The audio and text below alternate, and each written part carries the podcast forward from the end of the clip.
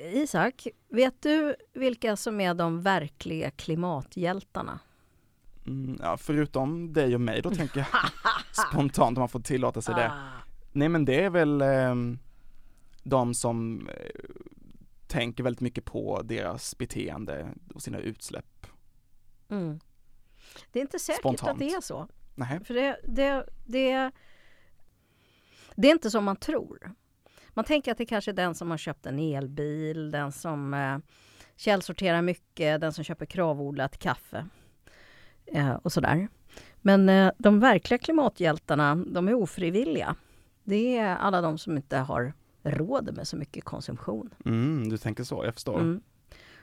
Och då... De som inte har en bil överhuvudtaget Ja, istället för en Tesla. Ja, och det låter kanske lite cyniskt att liksom beskriva det, den, den ofrivilliga situationen som en sorts hjälteskap. Mm. Men det är någonting konstigt i den här debatten om, eh, om eh, omställning när man hör att folk säger att men jag har inte råd att leva klimatvänligt. Mm.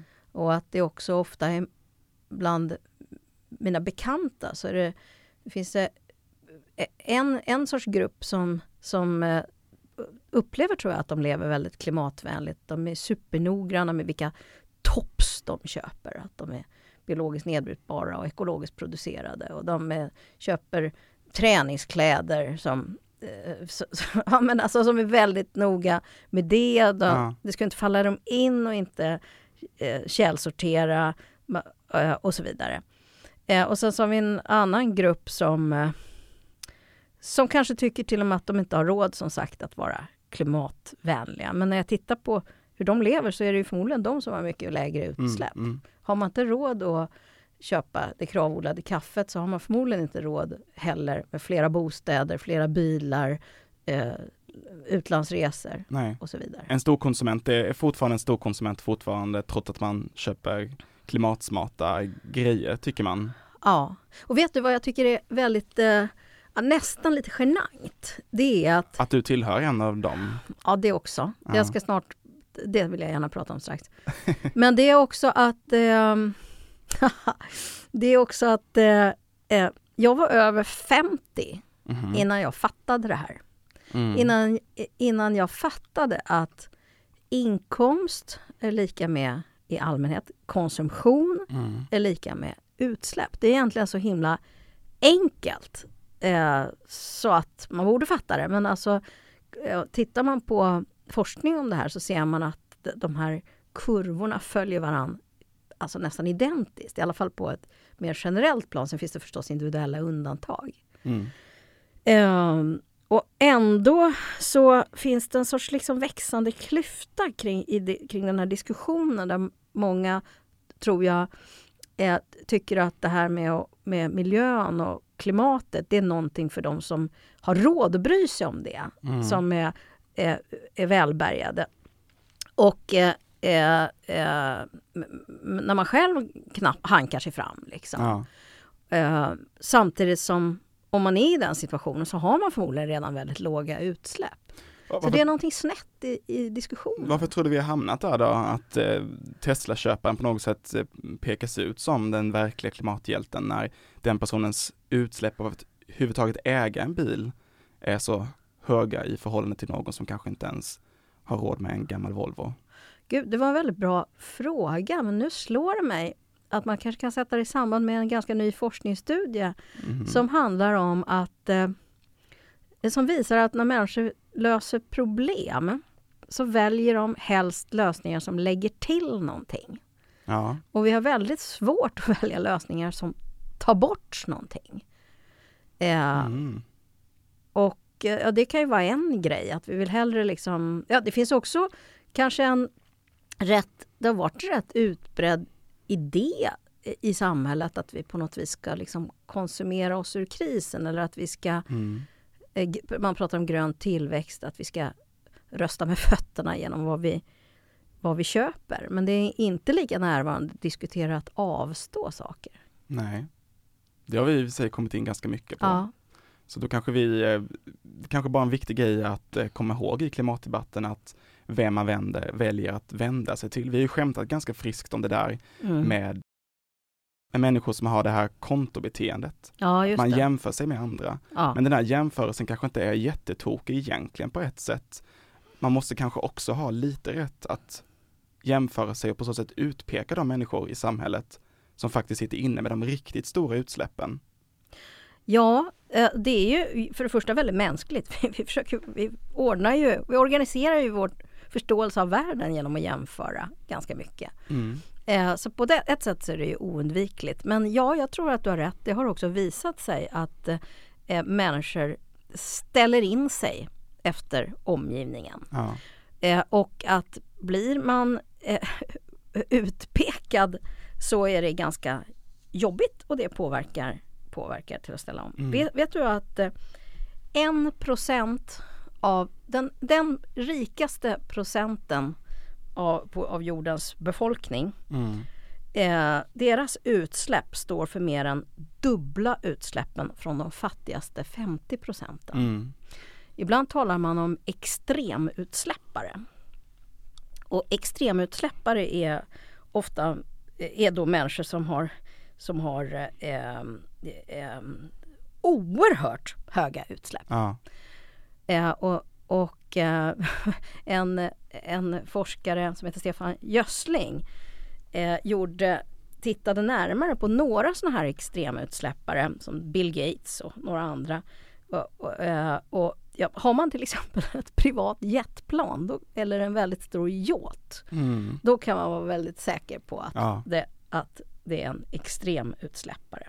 Det har ju inte någon av oss i alla fall, så att just i det här avsnittet Ja. kan vi känna oss ganska lugna på att inte bli utpekade. Ja, fast då kan man ju tänka att det är ett sorts alibi. Det finns ändå någon som är värre än ja, jag. ja. Men både du och jag, Isak, hör antagligen till den procent av jordens befolkning, åtminstone de 5 procent av jordens befolkning som Mm. faktiskt har det bäst och kanske också då har högst utsläpp. Mm. Och det tror Jag jag... tänker det finns ett globalt perspektiv på detta också när vi pratar 10 procent. Ja, Det är lätt att snöa in sig kanske på i Sverige, att man tänker att det finns väldigt rika personer Ja. även i vårt land. ja, Men vi tillhör ur ett globalt perspektiv ett av världens rikaste länder. ja. Och det är ju så här att den som har väldigt lite utsläpp kan inte spara Nej. så mycket. Jag menar, det, det finns inte så mycket att liksom dra, dra in på. Det kanske finns en del, men, men inte så mycket. Den som har jättemycket utsläpp, den har ju såklart jättemycket att dra in på. Det här är ganska svårt att prata om, rätt så känsligt. Mm. Så det här avsnittet är Mm. tillgängligt alla med en egen lyxjakt. Och kanske alla oss som eh, ändå lever ganska välbärgade liv Mm. eh, som, eh, och är privilegierade på många sätt. Mm.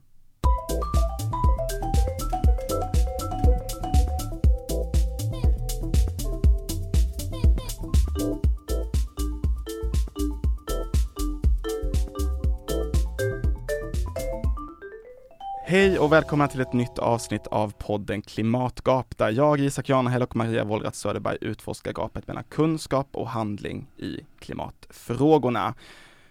Vad lutar du mot idag, Maria? Är det mer kunskap eller mer handling i din kropp?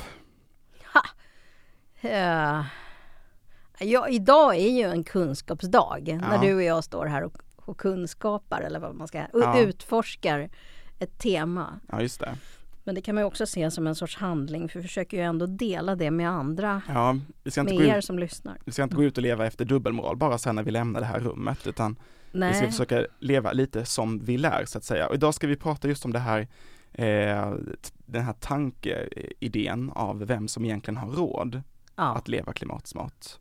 Eh, och vi var inne lite på det här, just eh, den här, det här perspektivet ur att de som faktiskt har höga utsläpp faktiskt också är de som har väldigt mycket pengar. Att det liksom finns en, eh, att det hänger ihop helt enkelt. Mm. En annan konstig grej, eller konstig grej men som förvånar kanske lite, eh, som också hänger ihop är att de utsläppsminskningar som faktiskt har skett de eh, senaste åren, de har dessutom kommit från den här fattigare delen av befolkningen.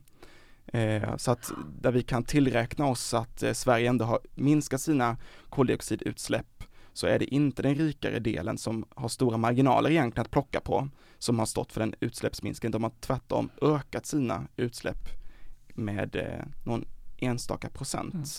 Men det som gäller att komma ihåg det är att eh, det är vi, Isak. Alltså de, de där rika, det är vi. Alltså visserligen finns det naturligtvis som sagt extremutsläppare mm. som är värre än du och jag. Men du och jag och de flesta av våra vänner tillhör ändå den, den delen av jordens befolkning som, som släpper ut. Jo det är sant ja. men nu tänkte jag ur ett liksom mm. Sverigeperspektiv ja. just på de minskade utsläppen i Sverige. Jo, men, ja det är klart. Eh, och att vi Där måste... tillhör vi inte den rikaste procenten. Nej det gör vi inte. Inte men... jag i alla fall. Nej, nej. Inte nej. senast jag kollade mitt bankkonto. Nej men det gör inte jag heller. Men, men, det, men, men problemet är att om vi bara hela tiden jämför oss med de som är är, är, är värre mm. då, och, och kräver att de ska börja, då, då blir det ju ingen omställning alls. Utan det rimliga är väl kanske ändå att jämföra sig med, med, med det globala. Och vi svenskar har ungefär ja, 10 ton utsläpp per capita mm. eh, per år. Och vi måste ner till runt 2,5 kanske, eller, eller mindre. Den rikaste, den allra rikaste liksom delen av jordens befolkning, då kanske de måste måste minska sina utsläpp med till en trettiondedel. Mm. Ja, har, har Kevin Anderson räknat ut. Eh, men om vi, du och jag, eller de kretsar där du och jag befinner oss, vi kanske ligger någonstans i mitten där. Eh, eh, det me mellanmjölksutsläpp. Ja, jag har minskat från kanske 12 till, till någonstans 7-8, kanske att jag börjar närma mig sex men det är liksom fortfarande mm. rätt mycket kvar och då hör jag fortfarande till, till, jag har fortfarande inte ens kommit ner till medelvärdet för jordens befolkning. Mm. Vilket också visar hur svårt det är. Mm. På sätt och vis är det svårare att minska sina utsläpp om... Alltså det, det är svårare om man har mycket att avstå. Men samtidigt är det ju ett otroligt privilegierat eh, tänkesätt. Ja. Att, att, att tänka så. Men samtidigt har man mycket att plocka av, för till exempel den här mm. siffran som jag började vara inne på just hur, mm. hur att den här eh, utsläppsminskningen har skett framförallt eh, i Sverige då bland den fattigare befolkningen eller de 50 eh, med lägst inkomst, de minskade sina mm. utsläpp med 16% Det är ändå mm. en väldigt stor del av eh, de totala utsläppen om mm. du redan har väldigt låga utsläpp. Då kan vi ju anta att eh, det här kanske människor som lever på landsbygden kanske antingen inte har eh, någon bil alls eller kanske bara har en bil för att man måste. Eh, och det är ganska svårt att plocka av den här levnadsstilen kanske. Hur intressant är det att djupdyka ännu mer i den där gruppen som redan har utsläpp, minskat sina utsläpp med 16 procent.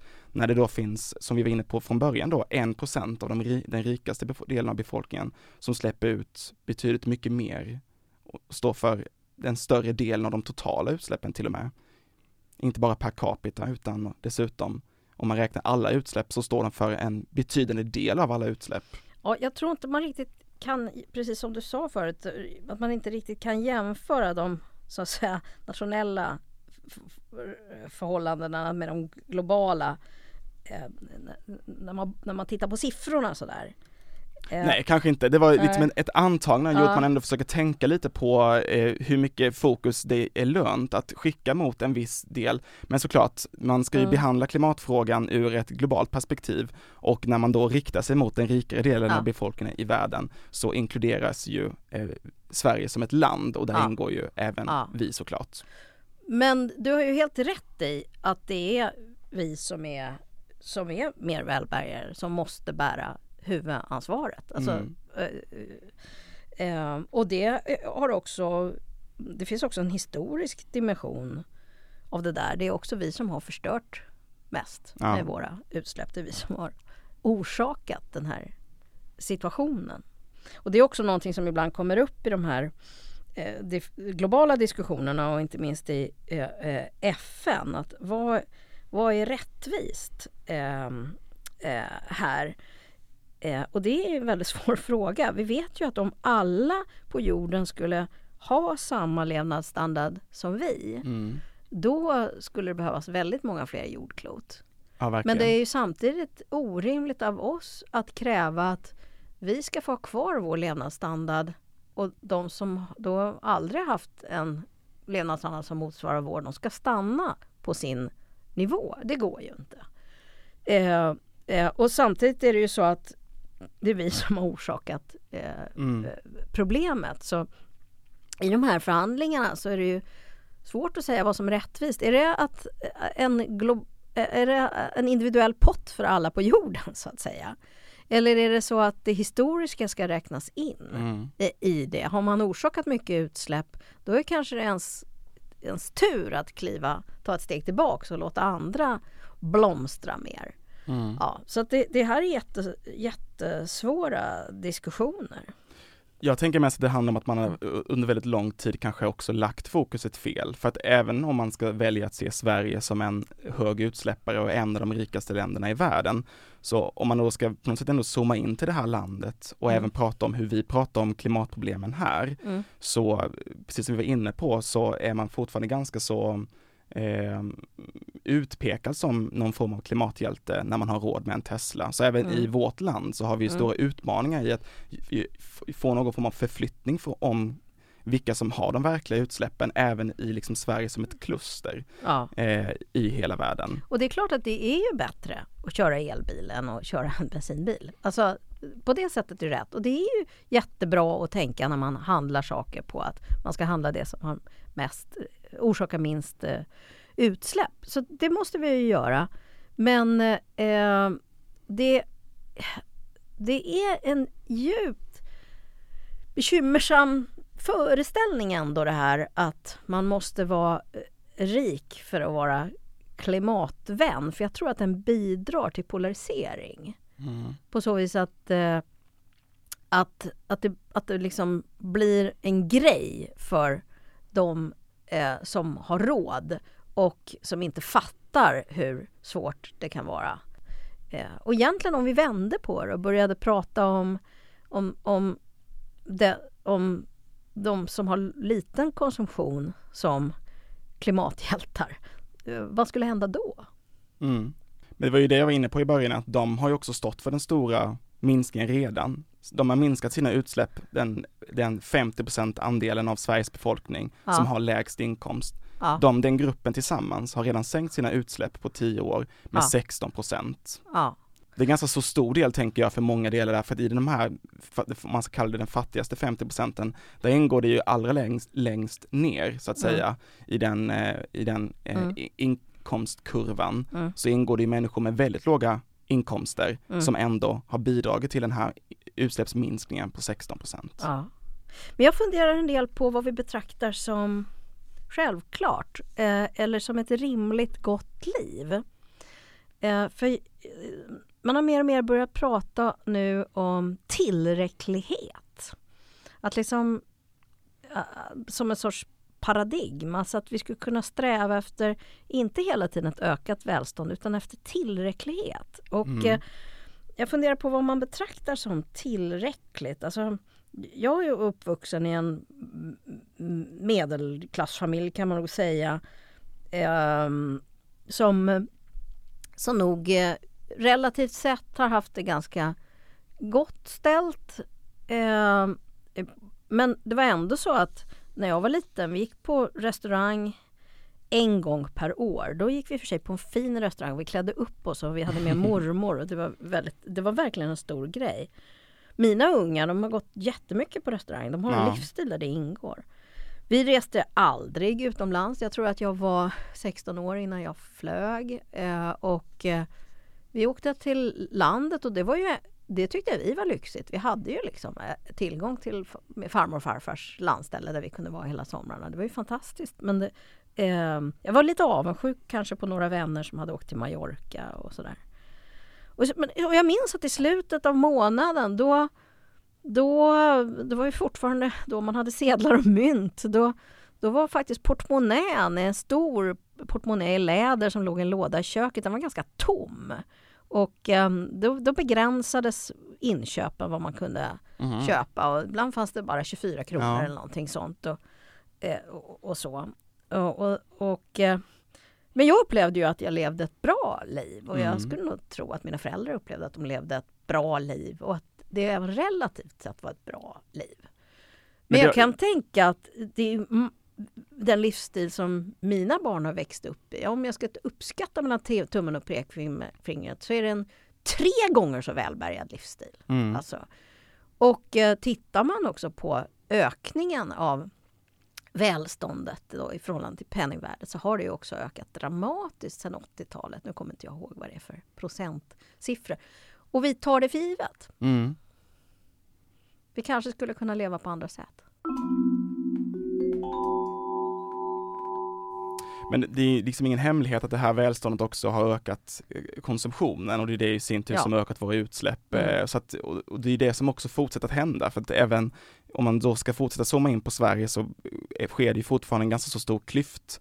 Eh, inkomstklyftan blir större i det här landet fortfarande. Mm. Det betyder ju att de som eh, är rika kan konsumera ännu mer och när du kan konsumera ännu mer så kanske du kan köpa ytterligare en bil och om det då är en elbil i det Mm. här fallet, kanske då en, Mm. en Tesla, så kan du ju skratta dig lycklig av den anledningen och prata om att du har valt en, en Mm. miljöbil. Mm. Men den där miljöbilen är kanske utöver vad du egentligen behövde från början. Eller utöver eh, vad du hade köpt om vi backar välståndet tillbaka några, Ja. några år. Så Ja. det är liksom, det är därför, trots att de här rikare en procenten då Mm. har möjlighet och gör jättemycket, de köper miljöbilar Mm. och så vidare, eh, så spelar det liksom ingen roll för att under tiden de gör detta så ökar de ju också sin totala konsumtion. Så det blir Ja. liksom plus minus noll och snarare lite plus då på utsläppen. På sista raden. Jag funderar över våra normer, över, eh, över vad vi betraktar som det man vill uppnå. Liksom. Ide, det, det, det ideala. Jag, jag tänk, ibland säger, säger man nu att eh, den här coronapandemin har lett till att människor har upptäckt att man, kan ha, att man kan leva på andra sätt. För det första att det går att ställa om. För det andra att man inte dör om man inte åker på, till Thailand. Och, eh, eh, och eh, en del människor har börjat med hemestrar och eh, eh, upptäcka liksom, närområdet på andra sätt. Det är en boom för folk som flyttar ut på landet och, och sådär. Vi vet inte vad som händer när den här pandemin är över, om det drar igång och blir den värsta eh, rekyleffekten, en superbonanza. Folk liksom går crazy till att åka Ja. eh, på, på, på flygresor och, och konsumera. Men eh, så kan det ju bli. Men det kan också vara så att vi faktiskt ändå har lärt oss att vi kan leva på ett, eh, på ett annat sätt med Ja. lite mindre avtryck. Mm. Vad tror du? Risken är väl att det, att det liksom den här klassklyftan på något sätt letar sig in även i det tänket att, att eh, under, under den här typen av kris så har ju, det har ju också lett så att säga till att klyftorna mellan rik och fattig har blivit större. Eh, framförallt ur ett globalt perspektiv. Mm. Eh, och antagligen kommer det ju leda till att de människor som efter den här krisen Mm. eh, på så sätt har blivit rikare kan konsumera ännu mer medan de delar av befolkningen som har drabbats hårdare av eh, att man kanske blivit av med jobbet och så vidare, Mm. eller det slår mycket hårdare, deras konsumtion och deras, i, an, Mm. i, i nästa steg då deras koldioxidutsläpp kanske kommer Mm. backa ytterligare från den här liksom minskningen som vi redan kan se eh, bl- bland den lite mer fattiga befolkningen. Det då. här visar ju någonting Alltså även, eh, man kan ju även se att eh, menar, även pandemier kommer att öka om klimatproblemen, eh, om Mm. klimatkrisen förvärras. Och då, det här är ju ett av jättemånga exempel på att det är det här som händer. Alltså att klimatkrisen slår mot dem som har minst. Mm.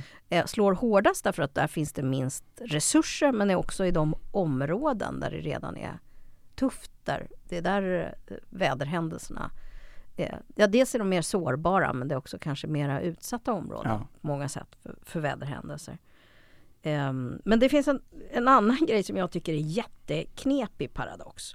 Och den, den handlar ju om att om vi då skulle få ett mer rättvist, mer rättvis fördelning, att de, de områden eller de länder eller de delar av befolkningen i, eh, i, eh, eh, som, som har det eh, svårare eh, ekonomiskt får det bättre. Eh, då, det hänger ofta ihop med en massa saker som till exempel bättre utbildning, bättre hälsa. Mm. Alltså det finns massor av eh, fördelar. Det brukar också leda till att det föds färre barn att, fä- och att fler barn överlever och så vidare. En massa goda värden. Men det Mm. som händer då när man dras ur fattigdom, det är ju att utsläppen ökar. Mm. Och det är ju en otroligt knepig liksom, rävsax. Då måste man ju också Verkligen. jobba i andra änden. Eh, eh, med, För på något sätt så kan Ja. vi ju unna den här delen av världsbefolkningen ett drägligare liv så att säga. ja, och du Och mer jag därtill. snackar ju här nu, jag känner hela tiden hur vi hur, vi kan inte frigöra oss från vår jätteprivilegierade position. Alltså, Nej, vi, det går inte. Och det är inte heller... Det är så det är. Liksom. Ja. Man är ju bunden till, till, de, till, till det, till Mm. de tankesystem som, och de- förutsättningar som man har.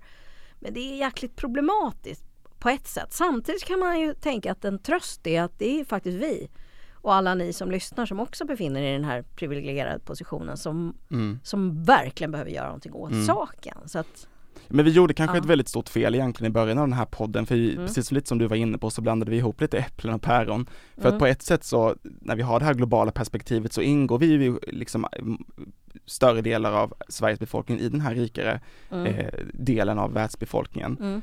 Eh, samtidigt som jag hade ett, ändå ett behov av att zooma in på Sverige. Men, ja, men om vi ska försöka hålla oss lite mer till det här globala mm, eh, perspektivet och den här orättvisan som ändå existerar Mm. då i form av att, de, att utsläppen är så extremt höga i de Mm. rikare, delen, rikare delarna av världen där Sverige då ingår. mm. Hur ska man tänka kring den rättvisefrågan när vi samtidigt, eh, det sker ju massa arbete för att öka levnadsstandarden i många andra delar av världen Ja. där levnadsstandarden idag är ganska dålig eller bristfällig. Ja, jag tänker Det är den ekvationen som blir så svår Ja, den är jättesvår. Jag, jag tänker att eh, jag tänker på två saker. Det ena är att ska vi få bukt med klimatkrisen så kan man inte ignorera det här orättviseproblemet. Mm. Alltså, och det, det är inte rocket science, det är inte du och jag de enda som konstaterar utan det är någonting som också lyfts liksom i FN och i internationella förhandlingar. Det har man fattat. Mm. Alltså, för annars så hamnar vi bara i konflikter. Eller att det blir stannar upp. Liksom. Kommer vi inte överens så kommer vi inte heller framåt. Nej. Men sen är det ju målkonflikt där också. Ja, Samtidigt som vi håller på med den här, det här klimatarbetet så Mm. sker det ju ett jättestort arbete för att öka levnadsstandarden. ja. Och det vet ju alla att det är, så att säga, där kan man ju såklart skjuta in resurser Mm. på något sätt. Att eh, energiåtgången i de här länderna kan ju så att säga, man bör ju inte börja i kolkraftverk utan Ja. tekniken om, om förnyelsebar energi, den Mm. är ju utvecklad redan för att vi gjorde fel från början i västvärlden. Mm. Så att den tekniken kan vi såklart bara förflytta den här modernare tekniken. Mm. Men det finns ju vissa delar som är betydligt mycket svårare, till exempel när det kommer till konsumtion. Det är väldigt svårt att konsumera klimatsmart tänker jag, när Ja. man börjar prata om mängder av konsumtion. Vissa små val kan vi göra smarta när vi står i butiken och ska välja vilken gurka vi ska ta. Ja. Men i det stora hela, att börja konsumera mycket, att bygga upp ett hem, ett drägligt liv, det är Ja. där utsläppen kommer att börja öka oavsett. Ja, men det är ju också alltså det är därför som vi på något sätt behöver komma åt överkonsumtionen. Mm. Alltså den konsumtion som inte är livsnödvändig. Och det är ju därför som det är vi som, har, som är välbärgade som måste ta ett huvudansvar i det här det, eh, arbetet. Och då, då tänker jag att då finns det ett antal hinder i våra tankevanor. Okej. En, en sån är ju att vi, att vi jämför oss och hittar någon som är värre. Det har vi Mm. pratat om förut. Det är ju jättevanligt, vi gör det hela tiden. Och då, då behöver inte vi agera. Precis det som jag gjorde här i början av podden Ja. när jag började prata om de rikare i Sverige. Ja visst, Ö, och, och, och det är jättemänskligt men det, det, vi måste fatta att det är vi. Mm. Det finns liksom finns inget sätt att komma ifrån det. Det är vi som måste skärpa oss. En annan grej är ett annat, en, en annan typ av problem. Det kanske inte är tankeproblem men det är normerna. Att eh, vad, vad är vi, vilka förebilder vi har, vilka vi, försök, vilka vi vill leva som. Jag tänker på de här influencers och eh, familjen Wahlgren tänker jag på. Oj, nu pinpointar vi. som syns överallt. Med sin Mm. livsstil som inte är sån där extrem, den är inte liksom Bill Gates-aktig eller eh, så, fullständigt extrem. Men den är ändå eh, det, det, den, den tror jag ändå är lockande för mig. Ett hus i Spanien, att man flyger Mm. hit och dit eh, eh, och man köper nya grejer och man bygger ett nytt hus och stora bos alltså bostäder. Det, Det är liksom Du en- menar att de människor som vi följer i medier och Ja. i, tv och så vidare är liksom ingen snittdel av befolkningen utan de ligger Nej. ofta ett steg lite högre. Ja, vi vill hela att- tiden drömma om ett drägligare liv. Ja, Så det finns liksom ingen poäng att eh, göra en realityserie om någon som bor eh, i Tumba utan det blir en realityserie om någon som bor på Lidingö för att alla vill blicka jag, jag uppåt. bor på Lidingö Isak. Ja. Ja. Nej men så tror jag. Och, och, och sen, så att Det här var med- inte riktat mot dig, det är Ja, Pani- Pernilla bor på Lidingö, det var Ja, så jag menade. Pernilla bor på Ja, Lidingö också ja. Ja, det är ni. ja det det är kanske därför jag blir bitter och avundsjuk. Nej men min poäng är bara på något Ja. sätt, precis som du sa, att, Mm. att, att de här människorna som, som vi har som idoler eller förebilder i samhället, de är ju ingen snittdel av befolkningen så att säga, utan det blir ju att på något sätt vi vill hela tiden, alla vill blicka uppåt, alla vill, alla kolla på ett liv som vi ur ett, eh, ur eh, ett normperspektiv Ja. betraktar som ett mycket mer drägligare liv eller ett bättre liv. Såklart är det ju absolut inte så, det har varit mycket mer intressant kanske att djupdyka i, i, i, i en eh, fyrabarnsfamilj i en lägenhet i Tumba. Det hade säkert Ja. varit mycket mer intressant. Men på något sätt blir intresset ändå riktat mot dem som vi tycker har, lever ett eh, mer, Ja men jag tror att det är så även på det liv. lokala planet. Det är ju liksom den grannen som har skaffat poolen som de andra grannarna orienterar sig mot Ja. när man själv börjar drömma om sin pool. mm, Eh, så, att, så att vi hela tiden orienterar oss mot de som har mer. Och jag funderar över hur skulle man kunna vända på det? Att eh, eh, man talar ibland om, om, eh, ja, om andra, andra värden.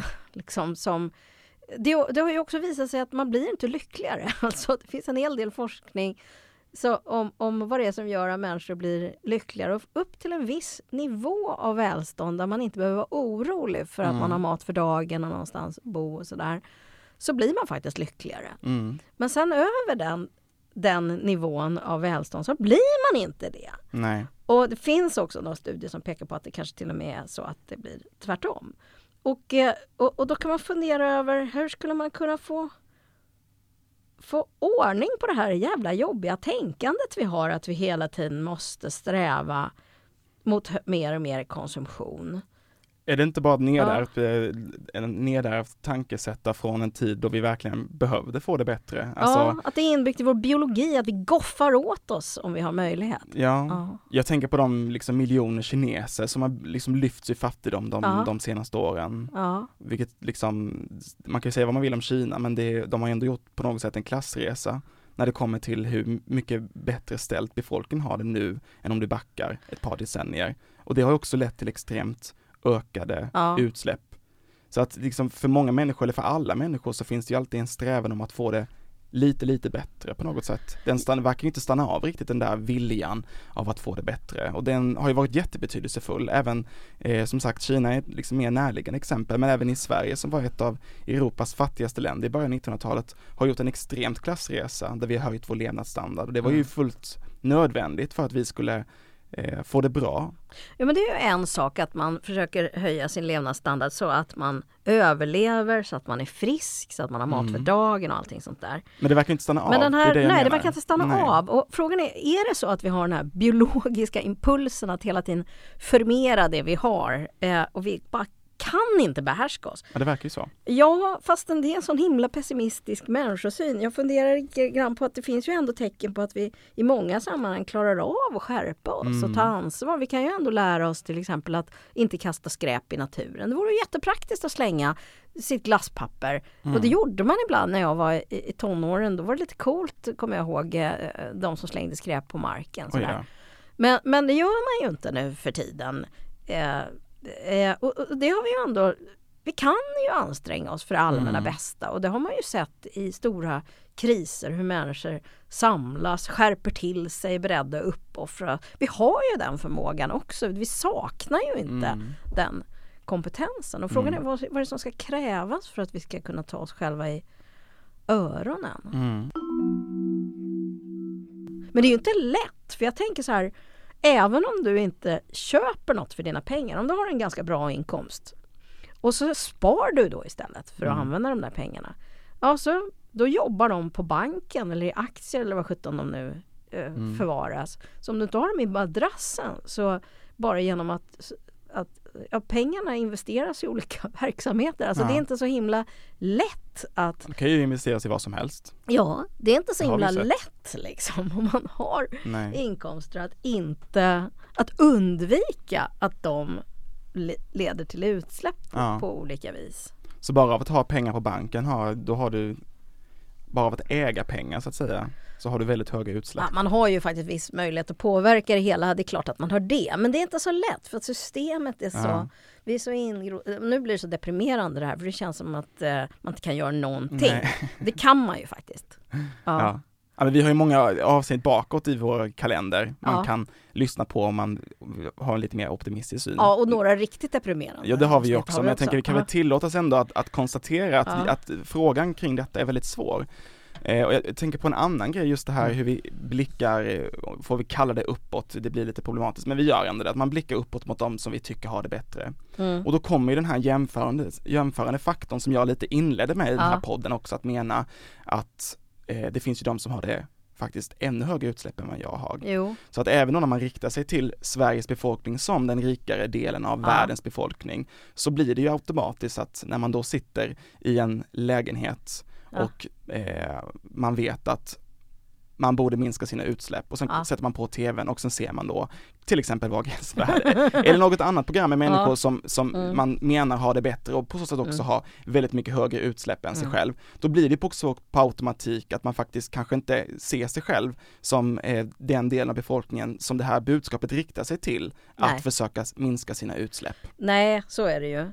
Men om man ändå, ja därför att vi, det är så otroligt frestande att jämföra sig med andra. Och det finns ju allt, det finns ju som sagt alltid någon som är värre som man kan jämföra sig med. Och dels kan man ju tycka att det är orättvist, varför ska jag? Särskilt om det är så eh, att man har stretat i sitt liv och längtat och så nu när man har Mm. råd då kan man äntligen leva som man har drömt om Mm. och så kommer några jäkla typer eh, Och så från- kommer du och berättar att från de eh, får Södermalm eller Lidingö och, och har synpunkter på det på, från sin, sina moraliska höga hästar. Ja. Men tänk dig som lyssnar här nu som har sparat på en resa jättelänge och är Ja. fullt medveten om att det finns de som släpper ut jättemycket mer, Mm. så kommer du här och berättar att den personen ändå tillhör eh, en, den här Mm. lilla delen av den Mm. rikaste befolkningen i världen istället. ja. Och Det- det är väl därför som man måste tänka så här. va- att, Ska eh, vi tänka lokalt eller globalt? ja, ja, både och tror jag. Jag tror att eh, det viktigaste är ju att de som har höga utsläpp minskar. Mm. Och de som har lite mindre utsläpp får väl minska lite mindre. De som har lite, ännu lite mindre får minska ännu lite mindre. Alltså man måste Ja. tänka, vi måste alla minska. Men har man mycket utsläpp så måste man. Jag tyck, det, det är så svårt eh, Isak. Jag tänker själv så här. Jag är nästan lite rädd för att du ska ställa frågan till mig. Så därför ställer jag den till mig själv nu. Så här, vad är jag beredd att avstå? Mm. Jag har ju, tycker jag, avstått saker. Eh, eh, de, särskilt de senaste åren. Men så är det, nu, nu har jag, jag tror jag har minskat mina utsläpp rätt mycket. Men så av det som är kvar då, av mina utsläpp, Mm. vad, vad är jag beredd att avstå? Jag tampas med mitt bilåkande Mm. eh, till exempel. Det, inte, det sker inte så ofta men när det sker så är det 16 mil. Ja. Alltså, Och redan där Ja. ska du komma ihåg då att det finns stora delar av befolkningen i Sverige som inte har någon bil Ja, alls, till visst. exempel jag. ja, visst. Ja. Och jag bor på 35 kvadratmeter Ja. och hur många kvadratmeter husar Maria över Ja, ja, nu, nu ställer du en urjobbig fråga Ja. eftersom, eftersom jag har just skaffat ett landställe Ja men du hör ju. och, eh, och inte hunnit göra mig av med andra bostäder. Så att det är verkligen Så då kan man ju förstå att här, Ja. den här tankemodellen inte är helt främmande ändå. Nej. Att man även ur ett Sverigeperspektiv eh, börjar faktiskt reflektera över är det verkligen jag som ska minska mina Ja. utsläpp? Vad kan jag egentligen plocka av? ja, Och då blir det väldigt intressant att titta på den här siffran jag tog upp i början, ja, att den eh, eh, halva delen av Sveriges befolkning som har lägst inkomster har redan minskat sina utsläpp med 16 procent. Det är ganska mycket. jo, Det är nästan en femtedel av deras utsläpp, medan Mm. då den rikare procenten i Sverige, av Ja. Sveriges befolkning har ökat sina utsläpp. Men kanske är det så att du och jag, jag menar du är student Isak och jag är 53 Ja. eh, och har, har stadig inkomst. Alltså jag kanske tillhör den, den, den delen som eh, måste skärpa eh, oss ordentligt medan du inte gör det på samma sätt. Mm. Alltså, men men jag, jag, jag kan inte blunda för det. Alltså det. Det finns inget sätt nu när jag insatt i de här frågorna för mig att argumentera bort Nej. att jag tillhör dem som måste skärpa mig. Gud vad härligt, då kan jag gå hem och Ja. konsumera i eftermiddag. Ja, det var kanske inte meningen med Nej. den här poängen. Men, men det bara är så. Och grejen är att jag är omgiven av sådana här människor som mig själv. Mm. Som befinner sig, men som tror att de lever klimatsmart. Ja. Och att det är någon annan som måste. Att det är Kina eller Mm. att det är USA eller att det är eh, eh, ja, grannar eller de jämför sig med de som är värre. Och det- fattar inte att det faktiskt är så att de också tillhör den här. Vi, vi, ibland tänker jag på det här ordspråket man, eh, vad heter det, man, eh, man eh, skjuter mygg och vad, vad heter det, kameler, man, Skjuter mygg. Man skjuter mygg och missar kameler. Ja, fan, jag kommer inte ihåg. Det är ett uttryck som, som innebär att man att man ägnar sig jättemycket åt små saker och sen så märk, ser man inte att man håller på med saker som skapar jättestora utsläpp.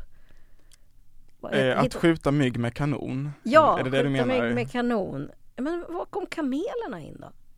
Blanda ihop. Använda en onödigt komplicerad eller otymplig metod för att lösa ett problem. Ja, Var det det du ville ja, men säga? det var inte det. Nej, ja, ja, jag är helt vimsig nu.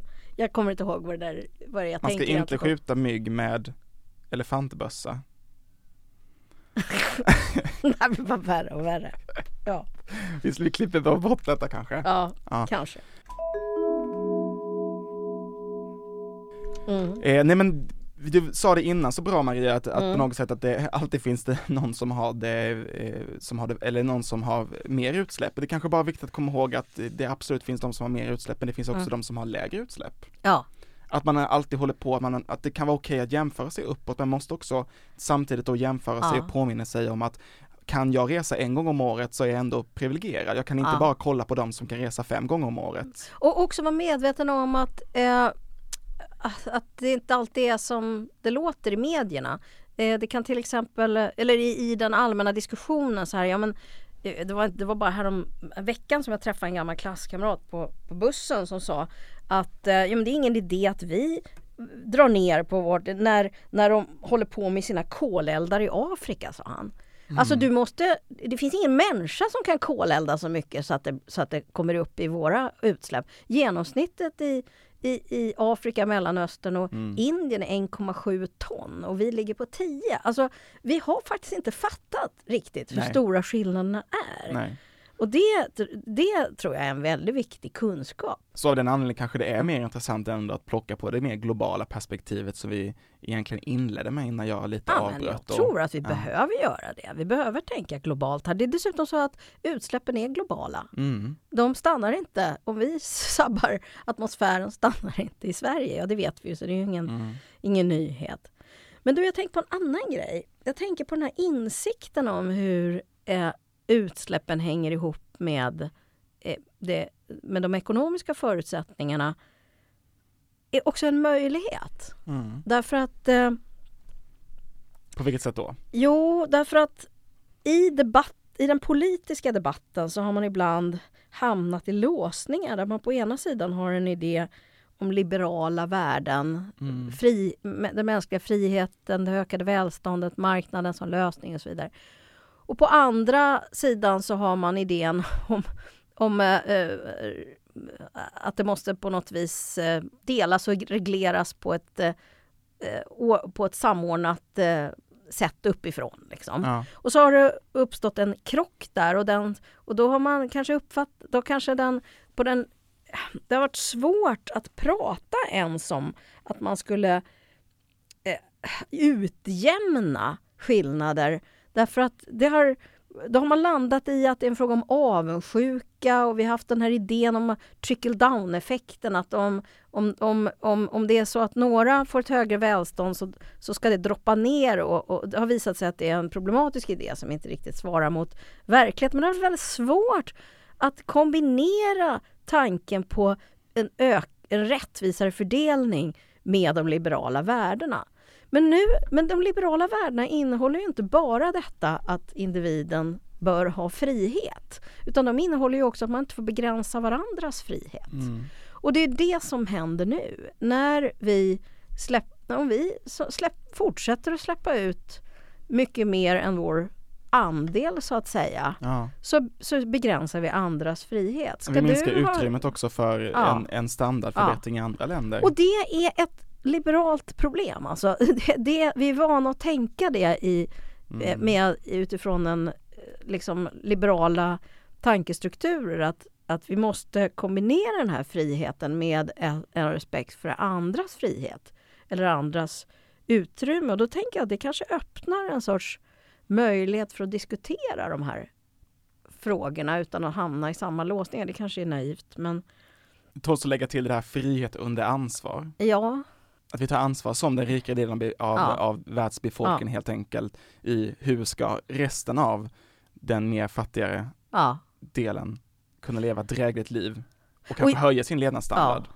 Jag tänker också att det faktiskt inte egentligen är... Vi kan inte välja mellan att inte göra det eller göra det.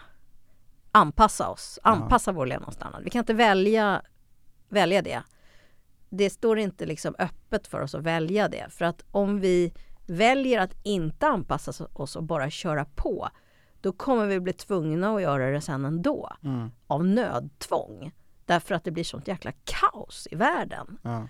Och då tänker jag att om vi ska vara kloka här så måste vi anpassa oss nu på ett sätt som vi fortfarande kan ha en sorts som vi kan göra ordnat och förnuftigt liksom. Ja. Man kan göra en liten jämförelse tänker jag mellan det här globala och lokala om vi ska Mm. på något sätt försöka knyta ihop de här två grejerna. Mm. Jag tänker på de här stora klimatmötena där alla världens länder Mm. eh, ingår och deltar. Där de eh, då betydligt fattigare länderna än till exempel Sverige deltar med stort engagemang och eh, skriver på de här Mm. utsläppsminskningarna Mm. och sätter i och för sig vissa krav baserat på Mm. eh, att det ska finnas en, en rättvis aspekt. Men på något sätt så kan man ju jämföra då, eh, om man förflyttar då det här förhållandet mellan de här rikare länderna och de här fattiga länderna och de Mm. här klimatmötena till eh, en svensk småstad istället. Där det finns eh, ett liknande, eh, ett liknande förhållande mellan olika Mm. människor, de som är rikare och släpper ut mer och de som är lite fattigare och släpper ut mindre Mm. tänk om vi som då även i Sverige då, om vi ska ta det här lokala perspektivet, kanske släpper ut, till exempel jag, något lägre, ganska Mm. mycket lägre kanske, än Mm. de som släpper ut mest i Sverige. Mm. Men jag fortfarande behöver delta på klimatmötena och Mm. förstå att jag fortfarande har min del Mm. av kakan, så att säga, eller min del av Mm. jobbet att göra, liksom hur de fattigare länderna deltar i klimatmötena. De skulle egentligen bara kunna slå bakut och säga att det här är ett problem som de rikare länderna i västvärlden egentligen behöver lösa för att det är där problemet har skapats från början. Några av dem säger det också. Hur ska vi sammanfatta det här nu då, Maria?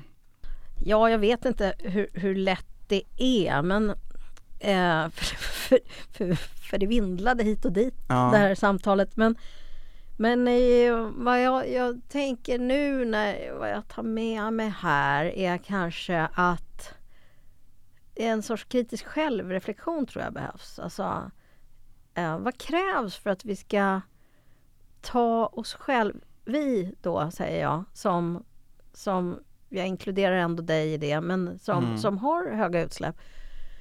Ehm, för att vi ska ta oss själva i öronen. Mm. Så det är väldigt svårt att göra det ensam. Jag tänker att man behöver eh, prata om det här med vänner eh, och familj.